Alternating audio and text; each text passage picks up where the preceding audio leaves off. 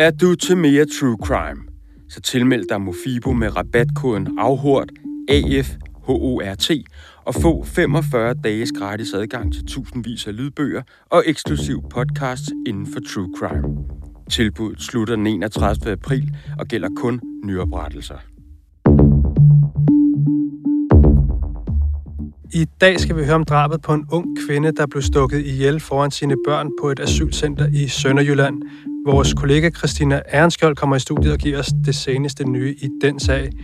Og er det forkert, når et seksuelt motiveret drab giver lavere straf end at skyde en mand på gaden? Det mener forsvarsadvokat Peter Sækker, som gæster vores program lige om lidt. Du lytter til Afhørt, Ekstrabladets krimipodcast.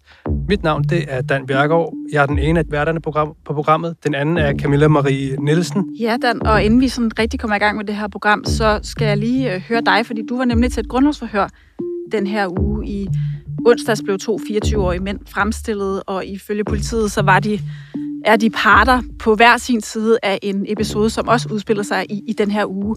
En eller anden form for konflikt- eller voldsepisode. Hvad er det, politiet mener, der er sket, og hvornår?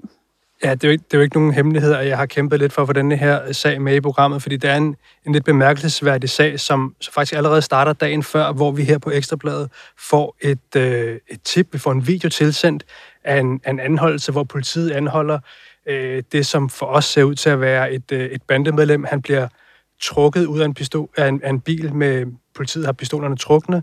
Øh, han bliver bedt om at kravle ud. Det er jo det, man typisk gør, så hvis man tror, at en gerningsmand er bevæbnet, så vil man gerne have, at de enten kravler eller holder hænderne op i vinduet eller loftet, så man kan se, at de ikke har et våben i ja, hænderne. Ja, man, man kan se, at han ligger sig på jorden, og den her video er filmet af nogle tilfældige øh, forbipasserende unge drenge. Det er der i hvert fald ikke tvivl om, når man ser øh, øh, den her video. Og hvad, hvad er det så ellers, øh, der, der sker? Jamen så øh, faktisk samme aften, så begynder der at florere nogle rygter på sociale medier om, at øh, et, et toneangivende medlem af den her bande, vi har hørt så meget om i, øh, i programmet, øh, NNV, skulle være blevet øh, overfaldet eller har været involveret i et, et slagsmål øh, samme aften.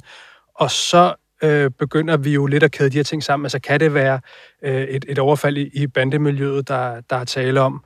Og, og når du siger, at vi begynder at kæde tingene sammen, du ser jo den her video, og, og en, en journalist med, med kendskab til bandemiljøet, som du jo er, kender også, øh, man kan sige, de mennesker, det drejer sig om. Altså er det sådan, du ser videoen, og med det samme forbinder det med bandemiljøet, da, da du ser den her person blive anholdt, eller hvordan? Altså, øh, personen, der bliver anholdt på denne her øh, video, øh, ligner til forveksling en person, som, øh, som vi kender fra bandemiljøet. Så, så det er vi sådan øh, ret sikre på. Og så, og så sker der faktisk, altså det er lidt mærkværdigt, at øh, det her tonangivende NNV-medlem, han samme aften lægger et billede ud på sin Instagram-profil, og øh, der fremviser han en, en telefon med, med dato, sådan så han kan bevise, at det er sket samme dag. Og, øh, og så er det simpelthen for at dokumentere, at han ikke har nogen skader i ansigtet, netop fordi der florerede de her rygter om, at han skulle være blevet udsat for et groft, groft overfald. Så han dokumenterer altså med, med det her opslag, altså, jeg er ikke blevet udsat for, for noget overfald, øh, så de der rygter, det, det, er, det er i hvert fald løgn.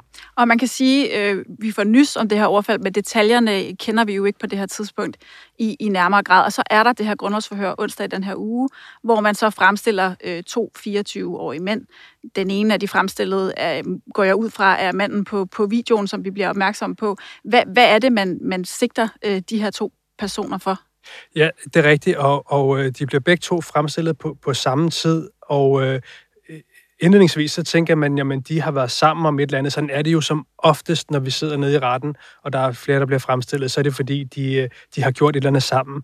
Men, men her der er det altså øh, to parter, der er på hver deres side, og og når du siger på hver deres side, altså politiet mener, at, at, at de er på hver deres side, at det er det her overfald, der skulle være der Præcis, skulle udspille og, sig. Og, og det kommer så frem øh, for sigtelsen, og det er, at øh, denne her person, som øh, man kan se blive anholdt på videoen, han bliver sigtet for at have overfaldet det her øh, toneangivende NNV-medlem, øh, og slået ham med det, der i sigtelsen hedder en pistol eller en pistollignende genstand. Det er nok fordi, jeg kunne forestille mig, at politiet enten har nogle vidneforklaringer eller, video, eller øh, videoovervågning, der, der viser, at han har en, en pistol i hånden, men som man jo så på nuværende tidspunkt ikke kan sige, om er en ægte pistol. Øh, og under det her, øh, det her opgør, så er den anden, der sidder nede i byretten, han er så sigtet for at forsøge at stikke manden med pistolen ned. Øh, og, og de er så begge to blevet, blevet anholdt og, og sigtet, men altså på, på hver sin side af, af, af det her opgør. Hvordan var stemningen egentlig mellem dem? Og der var ikke, der var ikke øh, god stemning. Jeg vil sige, øh, luften var øh, kølig nede i, øh, i retten, og der var ikke, øh, ja, det, det lignede ikke en, en gensynsglæde, da de to øh, de, øh, de kom ind i, i retten. Hvordan forholdt de sig så til, til de her sigtelser om henholdsvis trusler med pistol og vold med pistol, og, og så et øh, forsøg på, på knivstikkeri? De nægter sig begge to skyldige, og det var sådan set det eneste, vi fik at vide. Og det er fordi, at øh, på øh, anmodning for, for anklageren, så valgte dommeren at lukke døren. Og det var faktisk med, med henvisning til, at der var en, en medgerningsmand på fri fod. Og ud fra sigtelsen, jamen så kunne vi så forstå, at det er altså denne her, øh, det her toneangivende NNV-medlem, som skulle være medgerningsmanden. Så derfor så fik vi ikke at høre, hverken om de her to personer havde lyst til at forklare sig, øh, eller om, øh, om hvad for nogle beviser politiet har mod dem. Men, men de nægter sig altså skyldige, og, øh, og det sidste, vi lige sådan kan, kan sige om den her sag, det er, at i, ifølge vores oplysninger, så ham her øh, fyren med, med, med pistolen, som er sigtet for øh, vold og for trusler, han har for, eller for kort tid siden har der været en, en skudepisode i København, hvor der er blevet skudt mod en adresse, som han har en eller anden, i hvert fald perifær tilknytning til. Og begge parter i, øh, i, i denne her sag, det er også nogen, der figurerer i den her konflikt, vi har talt så meget om, der, der var i december, altså en, en ekstrem blodig konflikt. Så er den her episode en del af den konflikt? Det kan vi jo ikke sige på nuværende tidspunkt. Der er i hvert fald ikke nogen af dem, der er sigtet efter noget, der har med hverken øh, bandeparagraf eller noget andet at gøre. Og det er jo måske også fordi, at, øh, at politiet jo ikke helt har kunne konkretisere den der ene side i, i, i konflikten. Men, men altså i hvert fald så, øh, er det nogle personer, som, som, ja, som både vi og, og politiet kender ganske godt. Og lige inden vi slipper den helt, så vil jeg bare lige vende tilbage til det der med, at, at det her højtstående NNV-medlem jo går ud på de sociale medier og afkræfter, at han har været udsat for et eller andet øh, voldeligt overfald. Og det gør han jo ved at vise øh, sin mobiltelefon med en, en dato, der svarer til den dag, hvor han poster det her øh, billede af sig selv. Øh, altså med din kendskab til, til bandemiljøet, hvorfor, hvorfor gør man det? Jamen, det er jo fordi, der, der øh, om, om aftenen, hvor det her overfald skulle være foregået, jamen, så begynder der på nogle af de her øh, profiler, som, som sådan skriver om bandemiljøet, så begynder der at florere nogle rygter om, at han skulle have fået en, øh, en røvfuld, og det er så det, han er ude at afkræfte. Det er jo fordi, at øh, jamen, i bandemiljøet, så vil du ikke tabe ansigt på at øh, skulle have fået en, en røvfuld af, af en rival. Altså, der er jo ekstremt meget øh, altså, status, og de er jo meget ærekære, så, så, øh, så det er han simpelthen ude at afkræfte. Og der var faktisk på en af de profiler, hvor der blev, blev skrevet ud, jamen så må han jo stå frem, og så sagde de godt nok med en, en avis, altså han skal ud og vise en, en avis med den her dato. Han kunne have taget et eksemplar af ekstrabladet til en, en anden gang. Ja, Den er det, hermed det givet videre. Men, øh, men han valgte altså øh, ja, mobiltelefonsløsningen. Øhm, og, øh, og så må vi jo se, om øh, hvad politiet mener, hans, hans rolle i det her helt præcis er. De blev varetægtsfængslet ved det her grundlovsforhør går ud fra? 27 dage. Lørdag den 29. januar i år, der skete det tredje kvindedrab i 2022. Og det var da en 27-årig kvinde med afghansk baggrund, hun blev slået ihjel på et asylcenter i Lykum Kloster. Kvinden hun var netop ankommet til Danmark med sin familie, efter at Taliban sidste år øh, slog til øh, mod Afghanistan og indtog Kabul. Og hun var kommet til Danmark, fordi at hun var i familie med en af de her tolke, som jo havde hjulpet de danske tropper under Afghanistan-krigen. Selv samme tolk er nu altså sigtet for drabet på, på den her kvinde, og det er en sag, som du, Christina Ehrenskjøl, har fulgt her på Ekstrabladet. Velkommen til. Tak. Du har jo været herinde øh, før og fortælle om den her sag, men for de lytter, der ikke har hørt det afsnit, kan du prøve øh, først og fremmest at fortælle, hvad der skete den 29. januar i år?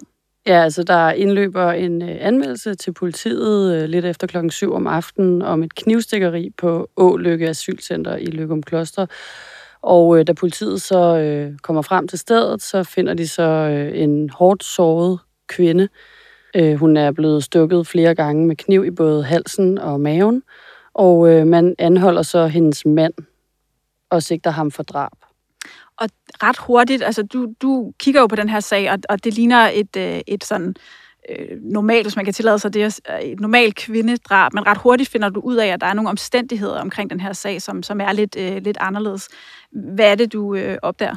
Altså man kan sige, at der er ligesom en, øh, en historie bag historien, og det er, fordi det viser sig, at det er en meget omtalt, og man kan nærmest sige kendt tolk, en af de her hjemhentede tolke fra Afghanistan, øh, som øh, kom til Danmark under stort, øh, stort stort hej. Det er et dårligt ord.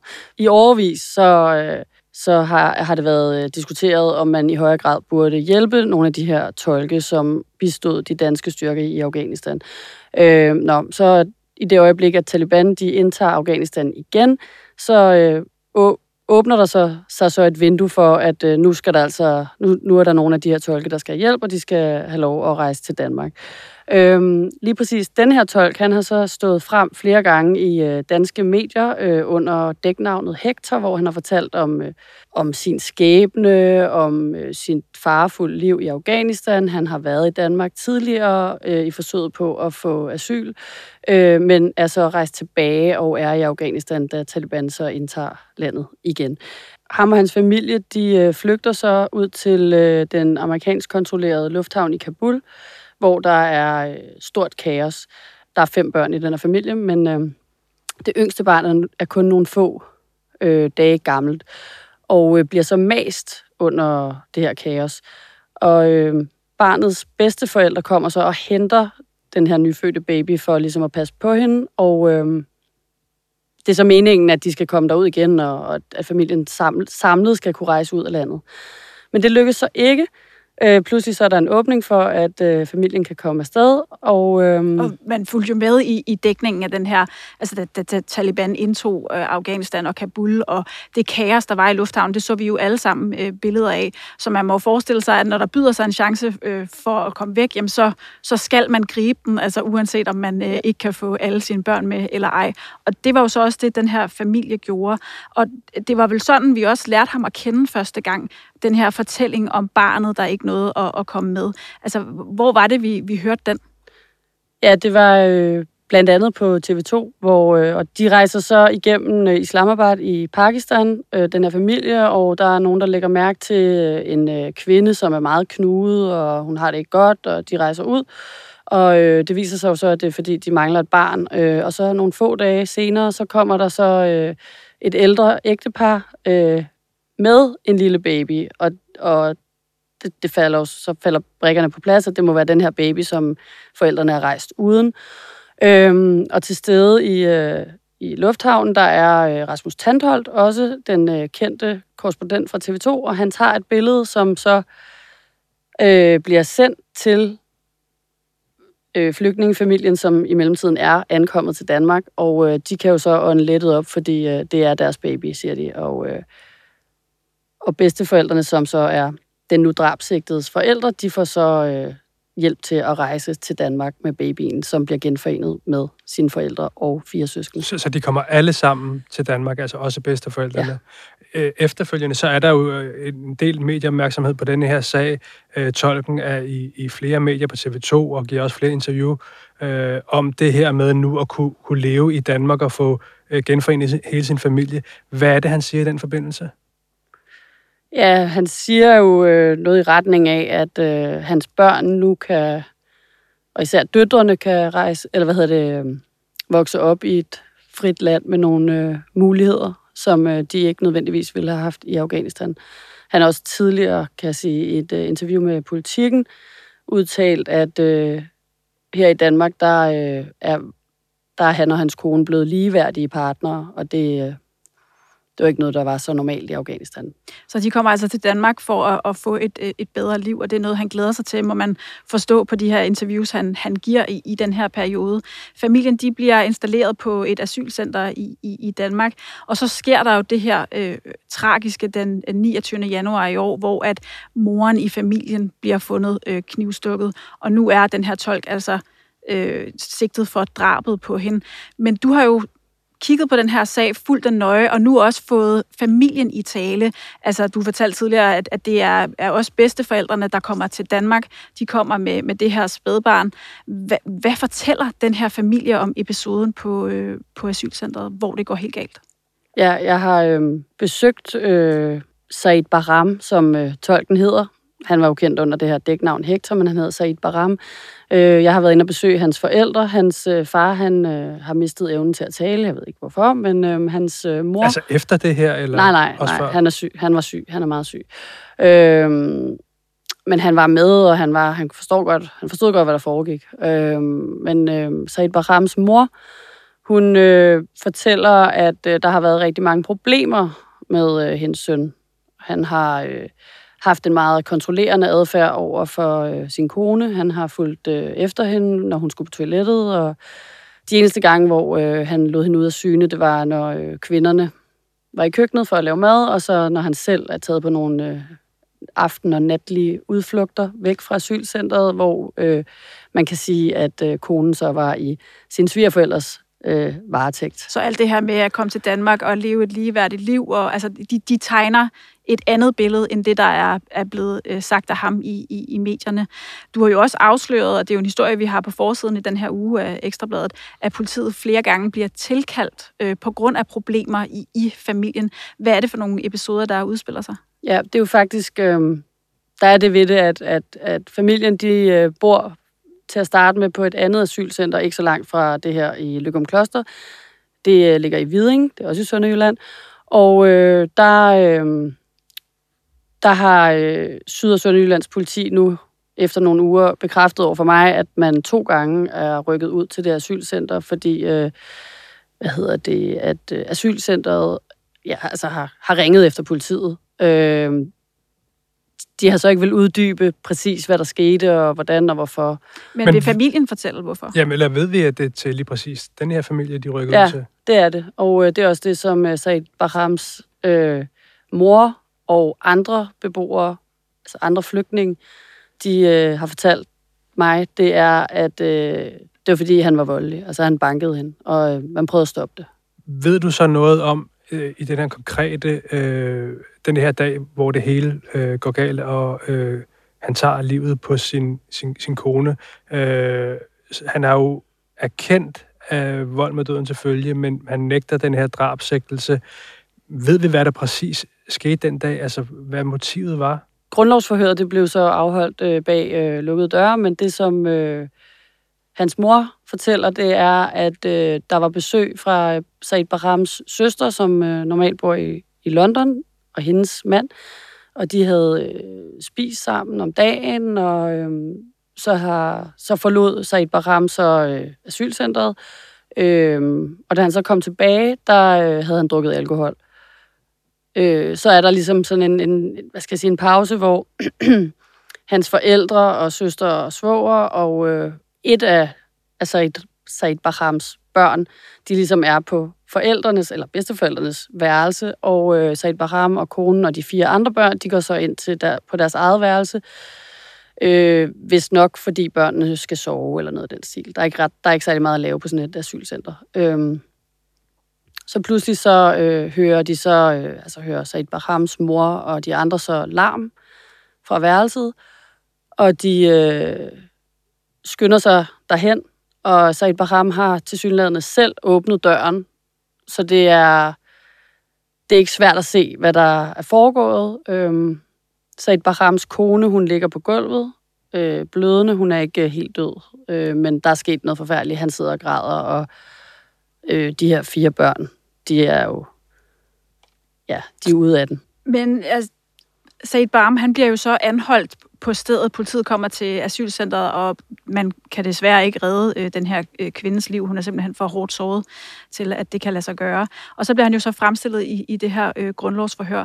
Og den er jo inde på det. Han, han nægter sig skyldig i at have haft forsæt til at dræbe hende. Altså han, han erkender, at han har udøvet vold med, med døden til følge.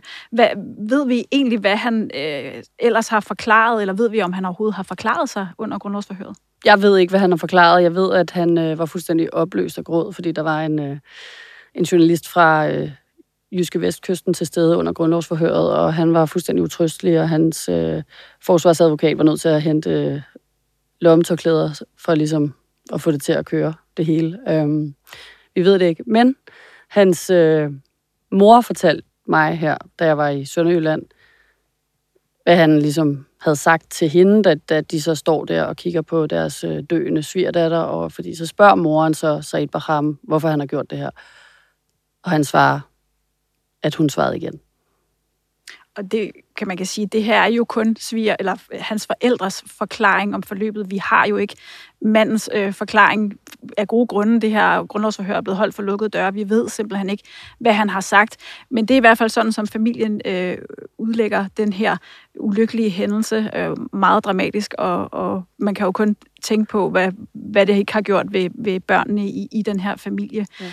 Men og, altså udover, for, udover den nærmeste familie, så er der jo så de her andre beboere øh, på asylcentret, det første asylcenter, øh, som jo har fundet hans adfærd øh, mærkelig. Og de her afghanere, de er jo de er jo meget chokeret over det her, men de er også øh, rigtig, rigtig trætte af, at øh, hvis, der bliver, hvis der nu bliver tegnet et billede af, at det er sådan afghanske mænd er, fordi det understreger de, at det er altså ikke normalt at slå sin kone ihjel, bare fordi man er afghaner og eventuelt tidligere tolk. Og det er jo også noget, som øh, man kan sige, hans familie understreger over for dig, at de har jo øh, valgt at tage en, altså konsekvensen af det her, og, og, og, og de fortæller jo også dig, hvordan de egentlig har det øh, med det. Altså, hvad, hvad, hvordan, altså, hvad har de besluttet sig for i forbindelse med, med den her sag? Altså, Said Barams mor siger, at øh, hun vil simpelthen så utrolig gerne have de her øh, fem børnebørn hos sig, så hun, øh, det, er jo, det, det er jo øh, deres nærmeste familie nu. Øhm, og hvad angår hendes søn, så øh, siger hun, at ham vil hun aldrig se igen. Og han blev altså varetægtsfængslet ved det her grundlovsforhør dagen efter drabet. Det var den 30. januar i år. Og der blev han varetægtsfængslet i fire uger, og det betyder faktisk, at han skal fristforlænges, som det hedder. Han skal få en dommer endnu en gang. Øh, det skal han fredag i den her uge formentlig, øh, mens at folk sidder og lytter til, til det her program. Ved vi, hvad der kommer til at ske ved den her fristforlængelse? Øh, jeg har fået oplyst, jeg har fået oplyst af retten i Sønderborg, at øh, der kommer til at være et retsmøde, og, øh, men at Said Bahram han ikke møder op fysisk, men deltager via et øh, videolink fra arresten. Tak fordi du øh, gjorde os klogere på den her sag. Det er jo forhåbentlig en, du kan følge op på og komme ind og fortælle mere om, når tid er. Nu kan vi så sige velkommen til Peter Sækker, forsvarsadvokat. Øh, vi kender dig jo ofte som sådan en, man kan godt tillade sig at sige, en, en højt profileret forsvarsadvokat. Du har i hvert fald mange af de her lidt spektakulære sager. Men forleden, der lagde du en video på, øh, på Instagram, hvor du taler om, om forskellen på straffe i sager om skuddrab og de her seksuelt motiverede kvindedrab. Lad os lige prøve at høre lidt af, hvordan det lød. Hvis man forestiller sig, at jeg går hen på åben gade og skyder en anden person og dræber ham, så får jeg fængsel på livstid. Det har højesteret sagt i 2021 i sagen om drabet på Nedim Yassar. Der er til gengæld også ret fast praksis for, at hvis jeg overfalder en ung, men dog voksen pige på gaden, forulemper hende seksuelt, slår hende ihjel, og bagefter graver hendes lig ned, så er straffen cirka 16 års fængsel. Det er umiddelbart svært ved at forstå. Hvad er det, der har fået dig til at lave den her video? Altså, helt ærligt, så kan jeg ikke sådan rigtig redegøre for det. Jeg har gjort det, fordi jeg havde lyst, og man skal jo ikke gøre det, man kan, men det, man ikke kan lade være med. Og det er det, jeg har gjort her. Men, men på en eller anden måde, så kommer det jo øh, af, at der er noget galt. Altså, der er simpelthen helt grundlæggende noget galt med straffen for usømmelig omgang med lig. Det handler videoen lidt om. Og så er der noget galt med, at dem, der begår seksuelt motiveret drab på unge kvinder, at de øh, tit vil slippe billigere, i straf end dem, der skyder nogen på åben gade. Og set med mine øjne, så er det seksuelt motiveret drab på unge kvinder simpelthen klart værre. Altså, nu er du jo forsvarsadvokat, er det ikke lidt omvendt at stå her og, og øh, procedere for, for højere straffe i, i sådan nogle sager her? Hvorfor brænder du sådan for det? Altså, mit job handler jo om retfærdighed helt grundlæggende. Jeg er jo løjet i det maskineri, eller et tandhjul i det maskineri, der ganske skaffe retfærdighed, og det er også det, den her video handler om. Altså retfærdighed i sin allermest sådan, øh, grundlæggende form, at lige skal behandles lige, og hvis der er forskel, så er det også det, der er grovest, der skal have den, øh, give den højeste straf. Men er det så straffen for kvindedrab, der er for lav, eller er det straffen for at skyde en anden mand på gaden, der er for høj? Det har jeg helt ærligt ikke nogen øh, sådan gennemtænkt holdning til. Altså, øhm... Men du siger dog trods alt til sidst i videoen noget med, at øh, det burde være omvendt. Så, så det er jo ikke helt forkert at antage, at, at du synes, at det er en for høj straf at skyde en og for lavt for... I hvert fald i forhold til hinanden. Altså, jeg ja. synes helt klart, at ham, der begår drabet på kvinden af seksuelle grunde, han skal have en højere straf end den mand, der skyder en på gaden. Og om den straf så skal være 10, 20 eller 100 års fængsel, det må jeg indrømme, det, det, det tror jeg, folk, der er klogere end mig, skal tage stilling til. Men der skal i hvert fald være en mærkbar forskel mellem de to, og det skal helt klart være det seksuelt motiverede drab, der giver den længste straf. Men sådan noget, altså, sådan noget som planlæg, planlægning for eksempel, det tæller jo også ind i, øh, i en, en endelig straf. Og nogle af de her, altså det er jo ikke altid, det er sådan, men nogle af de her seksuelt motiverede drab eller, eller overfald, de, de sker jo også øh, impulsivt. Altså de, de er jo ikke så øh, langvejt planlagt, som for eksempel en, en nedskydning på, på åben gade kunne tænkes at være. Der skal man trods alt skaffe sig en pistol, og man skal find, måske finde ud af, hvor vedkommende er, fordi man går efter en specifik person. Altså, det hænger vel meget godt sammen med, hvordan straffen er i dag. Men den person, der i sine unge år kan finde på at skyde en på gaden, altså sandsynligheden for, at han gør det, når han er blevet 50, den er nok relativt lille. Hvor den person, som ikke kan finde ud af at gå på gaden og lade unge kvinder være i fred uden at kvæle dem og seksuelt forulempe dem, ham vil jeg aldrig nogensinde være tryg ved at sende ud sammen med mine øh, pigebørn, for at sige det men, men, men hvis vi lige skal, skal spole en lille smule tilbage, så noget af det, du siger, øh, det er jo på baggrund af de her stramninger, der har været. Altså, vi kender mange af de her øh, bandeparagrafer, der gør, at man kan forholde, forhøje straffen. Og så var der en, øh, i en af de her bandepakker, hvor man lavede den her paragraf 81b, der siger, hvis man er ude og skyde øh, i det offentlige rum, jamen så skal, kan straffen også forhøjes. Øh, og så ved jeg, at det gør du også i din video, så tager du udgangspunkt i det her drab på, på Nedim Yassar, øh, der, der mistede livet under skyderi. Men, men i, altså, det er jo ikke et udgangspunkt, at alle skuddrab i det offentlige rum giver livstid. Altså, jeg medgiver, at når du læser højesteretsdom, så er der en, en del af præmissen der, er, at der har været en planlægning. Og derfor siger de, at i udgangspunktet koster det 15 år, og så skal man lægge 50 procent oveni og alt det her. Det er rigtigt. Men det er faktisk svært, at lige præcis de grunde, som Camilla var inde på før, at forestille sig et skuddrab øh, under nogenlunde tilsvarende omstændigheder. Altså det sædvanlige skuddrab, som ikke er lige så planlagt, fordi man netop skal have pistolen med. Så du står med det problem, at det er svært at begå et skuddrab, hvis ikke du forinden har bevæbnet dig.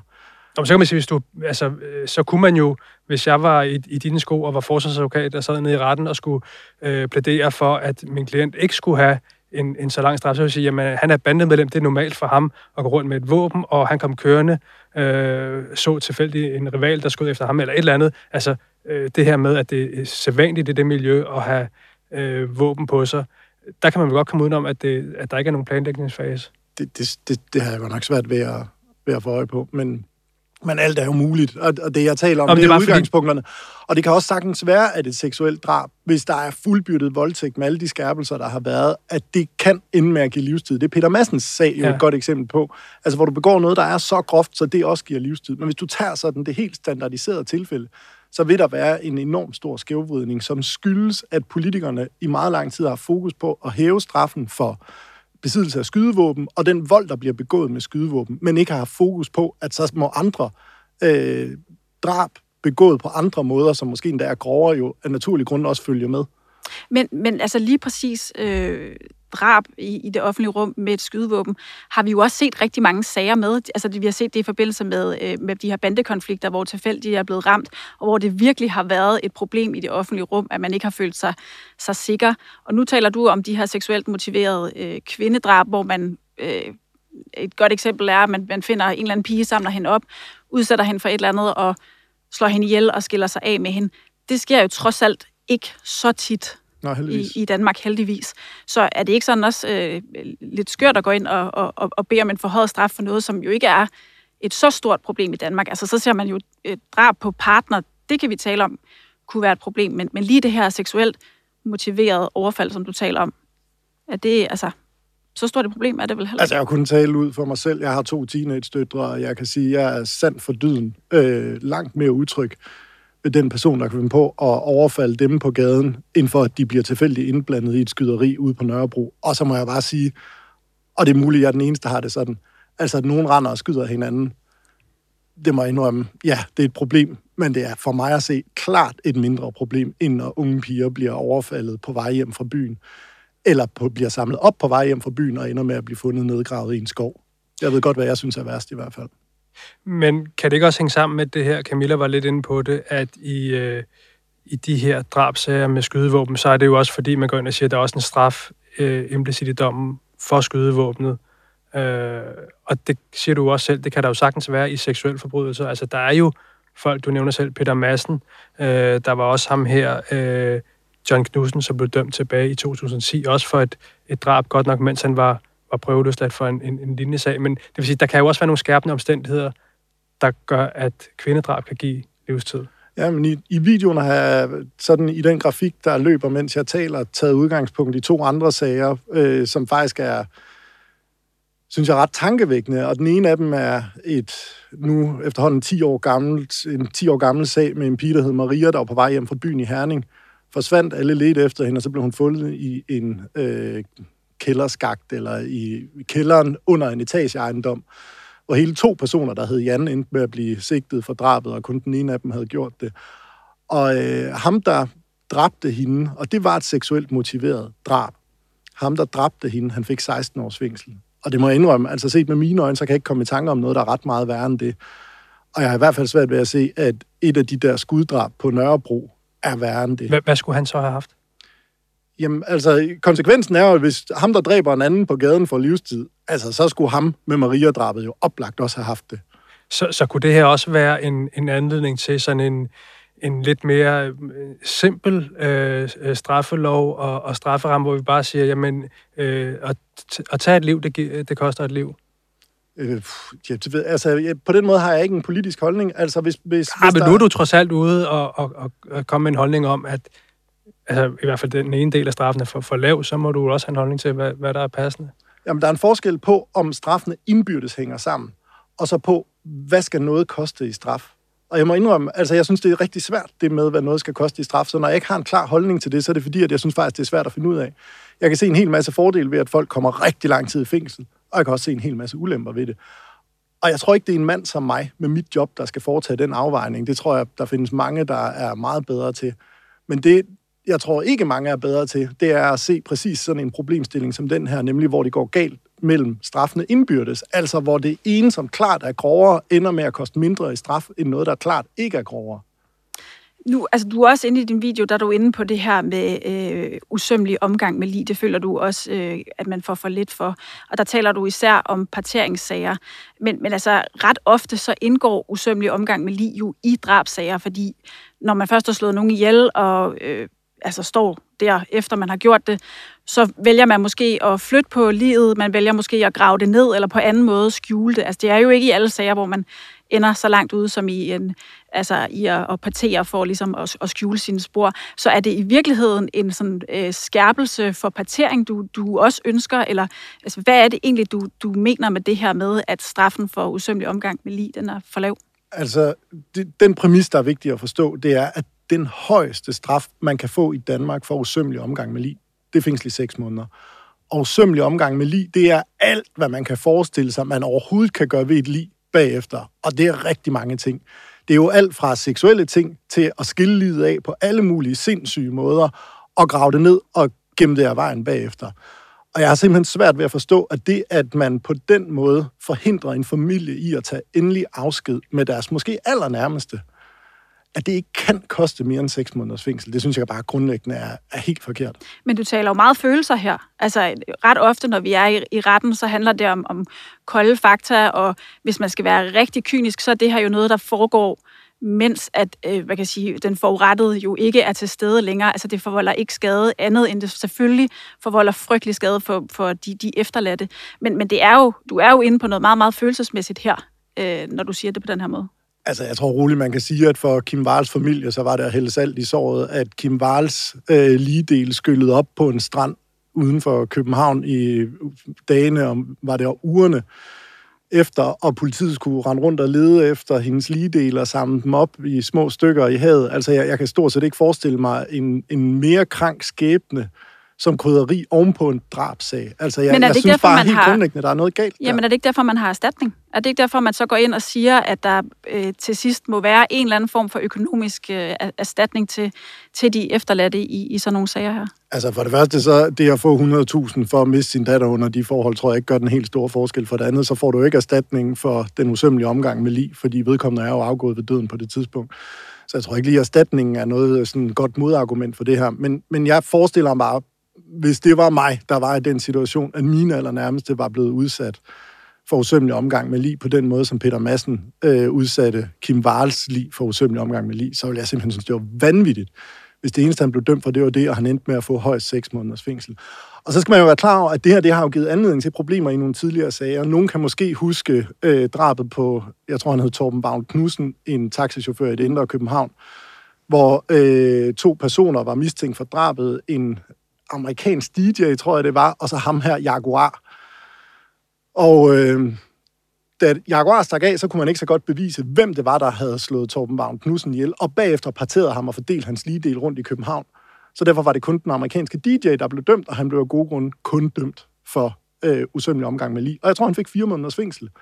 Og havde jeg været Torben Vagn Knudsens nærmeste og stået model til, at min bror, min søn, min far, hvad det nu var, var blevet skåret i småstykker og fordelt rundt i Københavns gader, som jeg indrømme, jeg synes, det var vanvittigt, at straffen kun var fængsel i fire måneder. Men omvendt, så kan det jo også nogle gange være med til, at politiet kan få et gennembrud i sagen, fordi hvis der er nogen, der er med til et, øh, eller ikke været med til et, et, et drab, og så efterfølgende parteret, så er man måske mere villig til at hjælpe politiet med opklaringen af sagen. Ja, fordi man slipper billigere, end Fordi man slipper var... billigere, end, end, altså hvis du stod til samme straf som din marker, du ved, der har øh, Jamen, jeg stiller mig heller ikke op og siger, at jeg synes, man skal have livstid for at partere et liv, men så der må for min skyld gerne være en, en følbar forskel. Øh, så, så, så det, hvad skal man sige, den fordel tror jeg ikke, man mister, bare fordi man hæver straffen. Men altså, en strafferamme, altså det højeste, man overhovedet kan få på fængsel i seks måneder, det er bare for lidt. Hvad, I hvad forhold er så til sammenlignelige... Hvad er rimeligt, synes du? Jeg, jeg ved det simpelthen ikke, men det er bare galt.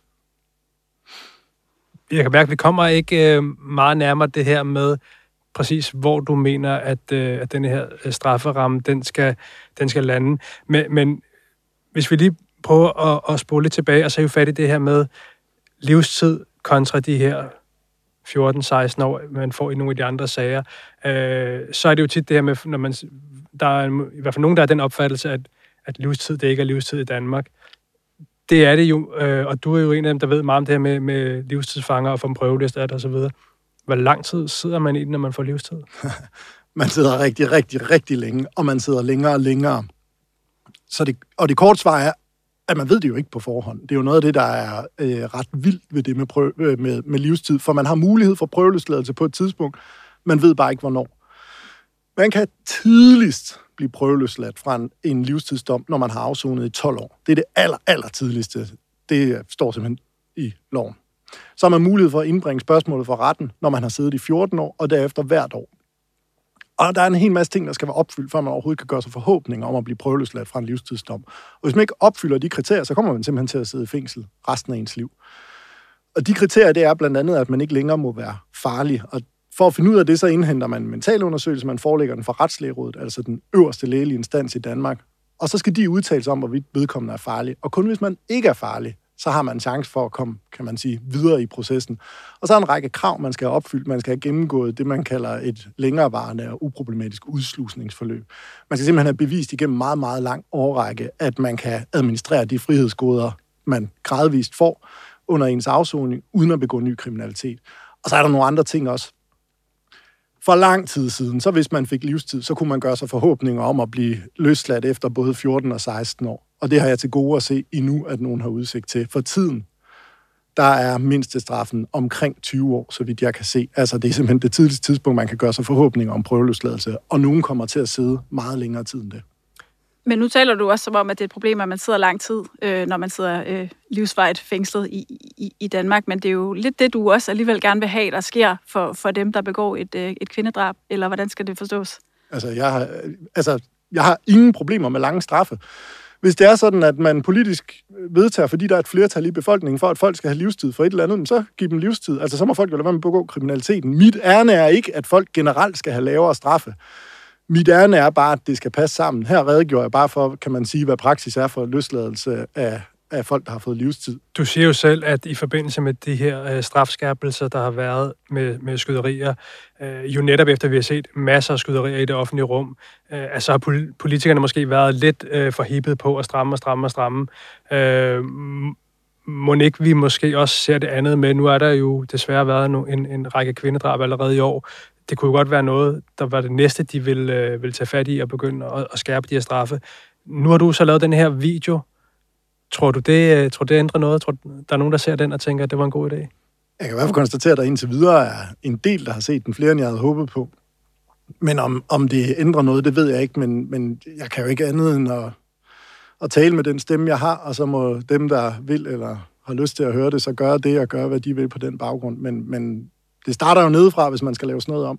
Du skal i hvert fald have tak, fordi du kom ind og gjorde os lidt klogere på, hvad du mener på det her punkt. Og så, og så kan vi jo lige sige, som, som du også selv sagde, Peter Sækker, at hvis man gerne vil undgå at sidde rigtig mange år i fængsel, altså enten livstid eller 16 år, så kan man starte med at lade være med at slå andre mennesker ihjel. Ja, lyn bukserne og hold hænderne i lommen, så er man langt. Det råd er hermed gået videre. Det var, hvad vi havde på programmet i ugens afhørt den her omgang. Tak fordi I lyttede med. Vi er jo som sædvanligt tilbage næste fredag, og hvis I har ris eller ros til vores udsendelse, eller et eller andet emne, I synes, vi skal tage op, jamen, så kan man jo altid skrive en mail til os på afhørt Afhørt bliver sponsoreret af Mofibo. Med Mofibo får du fri adgang til lydbøger og eksklusiv podcast, der handler om nogle af historiens værste morsager. Prøv 45 dage gratis med rabatkoden AFHORT, AFHORT, på mofibo.dk. Tilmeld dig senest 31. april som ny kunde.